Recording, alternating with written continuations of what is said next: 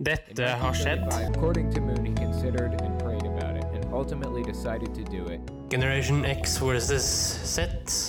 Sandberg Productions presenterer Den ekte samtalen om og med generasjon X og Z. Hold deg fast og nyt. Hei, hei, kjære lytter, og hjertelig velkommen til dagens episode av Generasjon X versus Z. Og i dag, kjære kompanjong, så skal vi fra Korea til Australia i dette sektlandskapet som vi er i. Ja, og nå skal vi til en sekt som eh, Ja, skal si for noe? Det er eh, det sykeste av det syke. Ja, vi skal til en pastatilbedende kult. eh, Som tilbyr en eh, gud som de kaller for The Flying Spaghetti Monster. Ja, altså det flygende spagettimonsteret. Det er jo helt Altså De har ikke bare drukket øl, de som Eller han fyren her som har funnet opp det. Han heter da Bobby Henderson. Ja, Han mente at uh, verden ble skapt av noe intelligent design. Uh, og det intelligente designet, det var da av flygende spagettimonster for ca. 5000 år siden. ja uh, han mente jo det, og han prøvde jo senest i 2005 å få det her inn i skoleverket i eh, Kansas og eh, Nebraska for å lære det bort. Han hadde noen teorier rundt og Og en av dem, Henrik, Det er det er en sammenheng mellom antall naturkatastrofer, sånn som jordskjelv, orkaner skogbranner. ja, og den type ting, og antall pirater i verden. Ja, eh, Skjønner du? Ja, ja. Jo flere pirater i verden det er, jo mindre katastrofer. Så han mener at eh, det er mer eh, katastrofer i dag i verden eh, fordi det er mindre pirater. Ja, de folka der må vel ha sett på Captain Phillips gang på gang på gang, vel? Tenker jeg. Og noe som er veldig morsomt. At eh, de har nudelmesser hver uke klokka ti. Å ja, hva, hva betyr det? Sånn messer liksom? At de spiser mye nudler? Nei, altså det er at de rett og slett har en sånn gudstjeneste, da. Ja, vel. Eh, hvor de tilber denne, denne guden, da. Ja. Og blant annet en østerriker som vant en rettssak i 2017. Som da ga han lov til å ha en sil på hodet på bildet på brukerkortet sitt. Ja, ja, ja, ok, så den tar den helt ut. Ja, og den bruker da siler som eh, religiøse hodeplagg, som man sikkert da har skjønt. Ja da. Eh, og jeg vet du har et klipp, Henrik. Den er på engelsk. Men eh, jeg tenkte vi skulle kjøre den for å få litt dypere innsikt i hva det her egentlig dreier seg om. Men de av lytterne som syns dette er meget interessant, eh, da er det to ting å gjøre. Det ene er å oppsøke et psykiatrisk avdeling et eller annet sted. Og det andre er rett og slett dersom eh, man anerkjenner den type religion, så er den faktisk anerkjent i Nederland og på New Zealand. I Polen. I Polen òg. I Polen, ja. Å, herregud. Ja. Jeg har lyst til å høre litt hva er dette greiene her, altså. ja. Hey, 42 here. Can you believe how close we are to Christmas? My, how the year flies when the whole world is going to shit. Then there are the images we associate with Christmas, like snowmen, reindeer, Christmas trees, a big fat man dressed all in red who smells suspiciously like mummy, and of course, the nativity scene. This last one is particularly interesting since it's become the last refuge for the few remaining religious symbols associated with a holiday that has become increasingly commercialized and distanced from its religious meaning. So, why do millions of staunch atheists still adorn their houses with angels, shepherds, and cherubs, or as I like to call them, magic babies, on Christmas Day? Tradition is the simple answer. After all, shouldn't everyone, believers or not, be allowed to display whatever they want in their windows and on their mantelpieces come Christmas Day? Well, maybe. But it's a safe bet that anyone who wanted to fill their windows with pentagrams and horned devils as a nod to their devout Satanism might get a few complaints from the neighbours. So, why the double standards? are we really as open to different belief systems and viewpoints as we like to think we are? The honest answer is probably not. If one religious statue was allowed, why not another?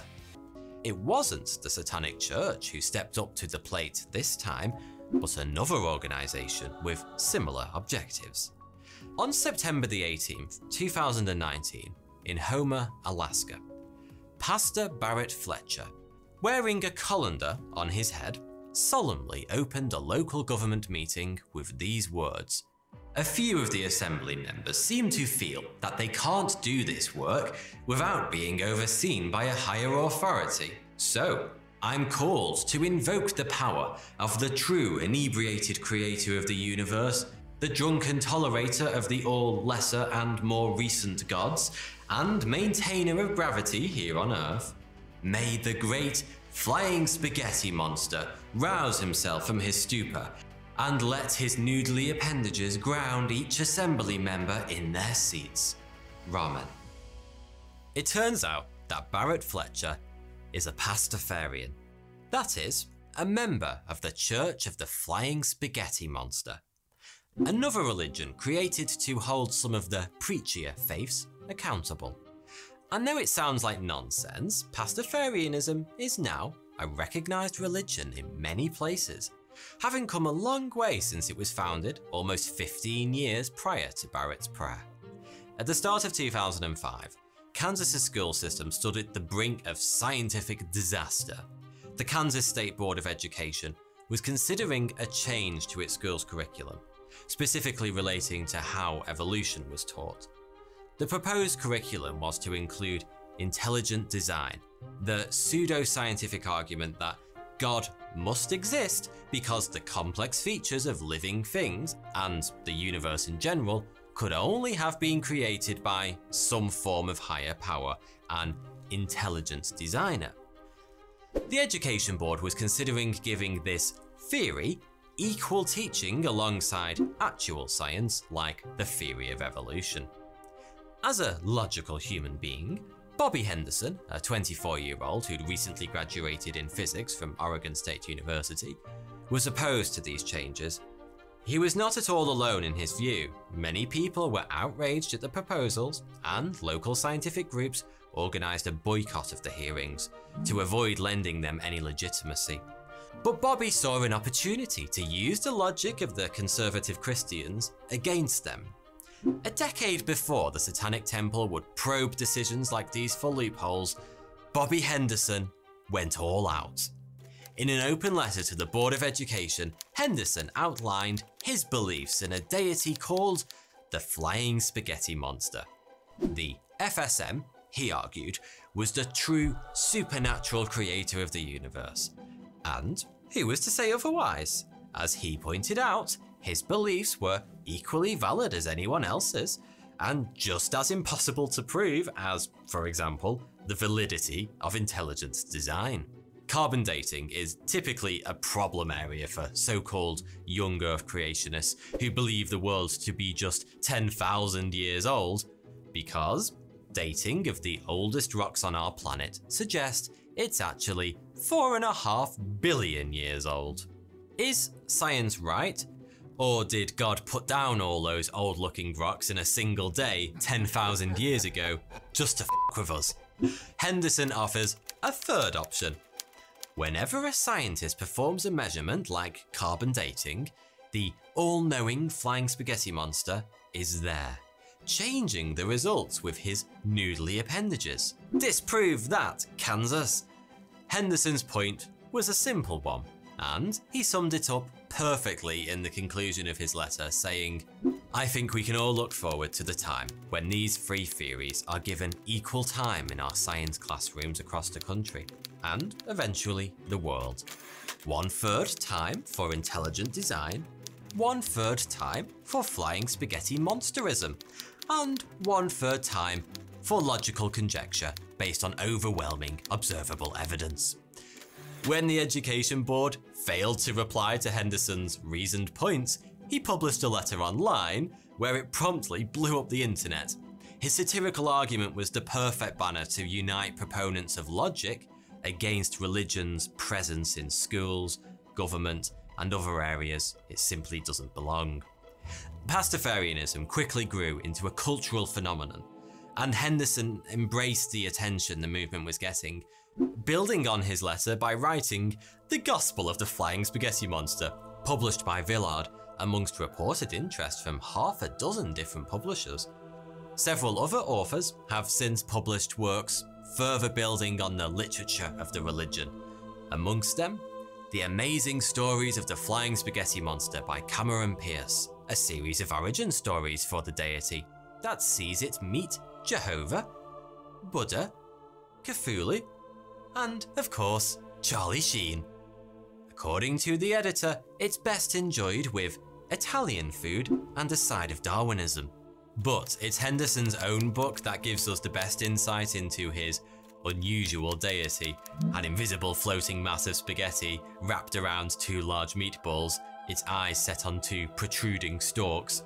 Here we learn the Pastafarian explanation for things like gravity, which is the result of every object in the universe being simultaneously pushed by the flying spaghetti monster's noodles, and global warming, which has a particularly airtight explanation that mocks the mixing of correlation and causation. Pirates, who are said to be divine beings and the original Pastafarians, have declined in number over the last 200 years, whilst global temperatures have risen. Pirates, therefore, must keep the planet cool. This conclusion is further backed up by the fact that International Talk Like a Pirate Day, September the 19th, has been cooler than another scientifically chosen day, July the 10th, for at least the past few years that Henderson has bothered to check.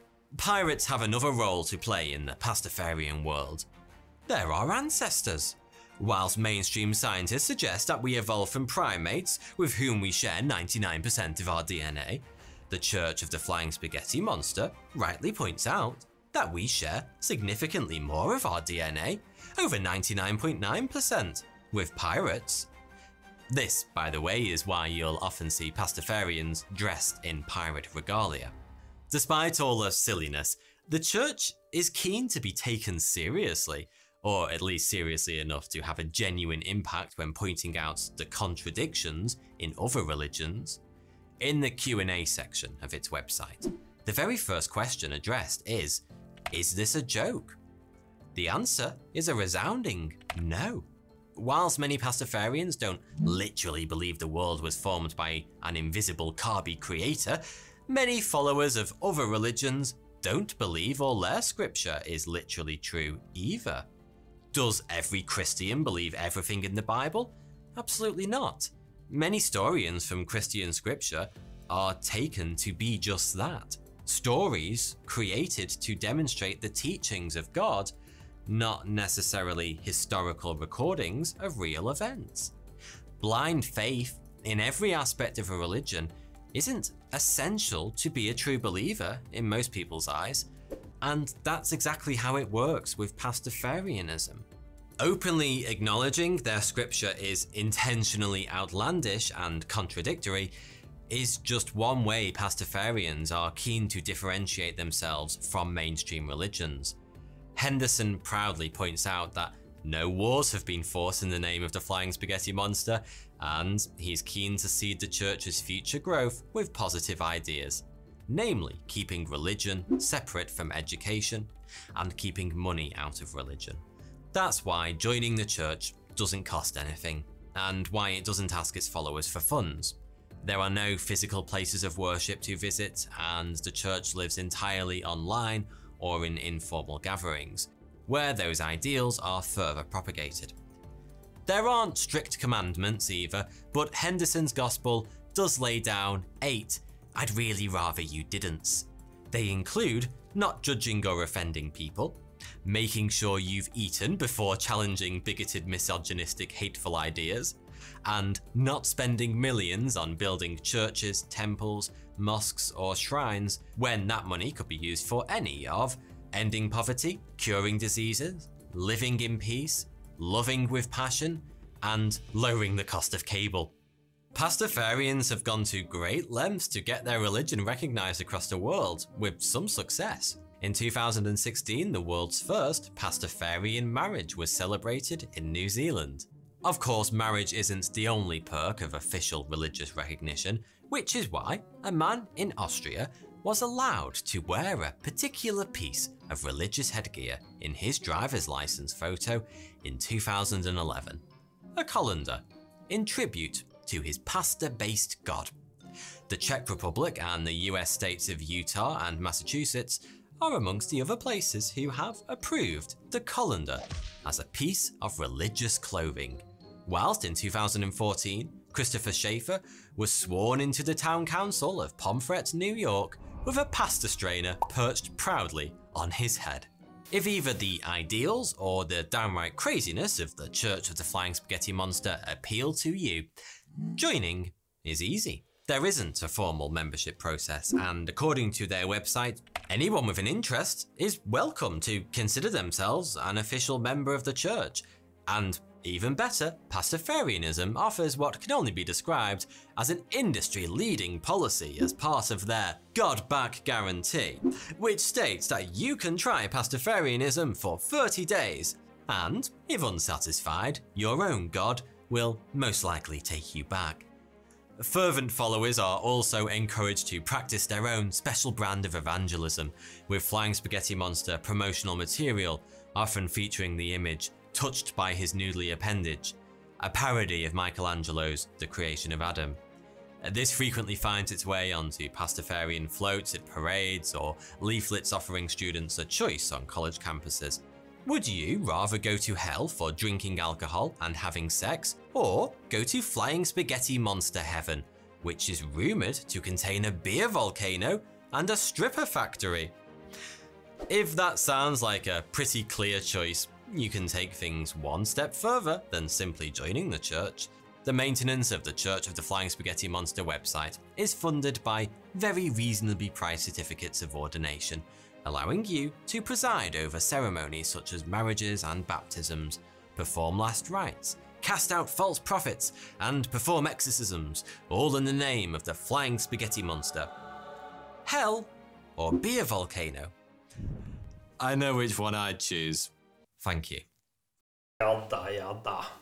Det han eh, Bobby har, eh, skal ha, da Han må jo være en utrolig smart fyr.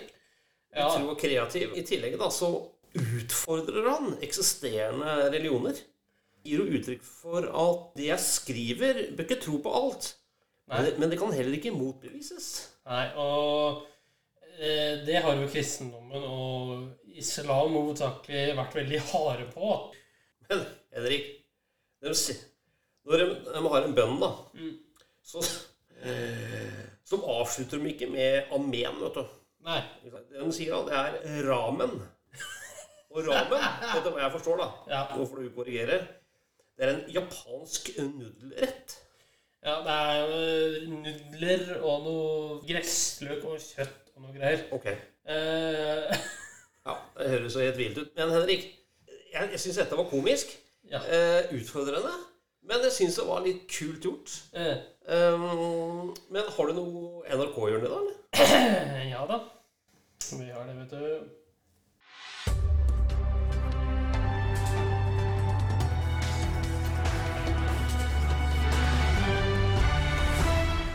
NRK-hjørnet.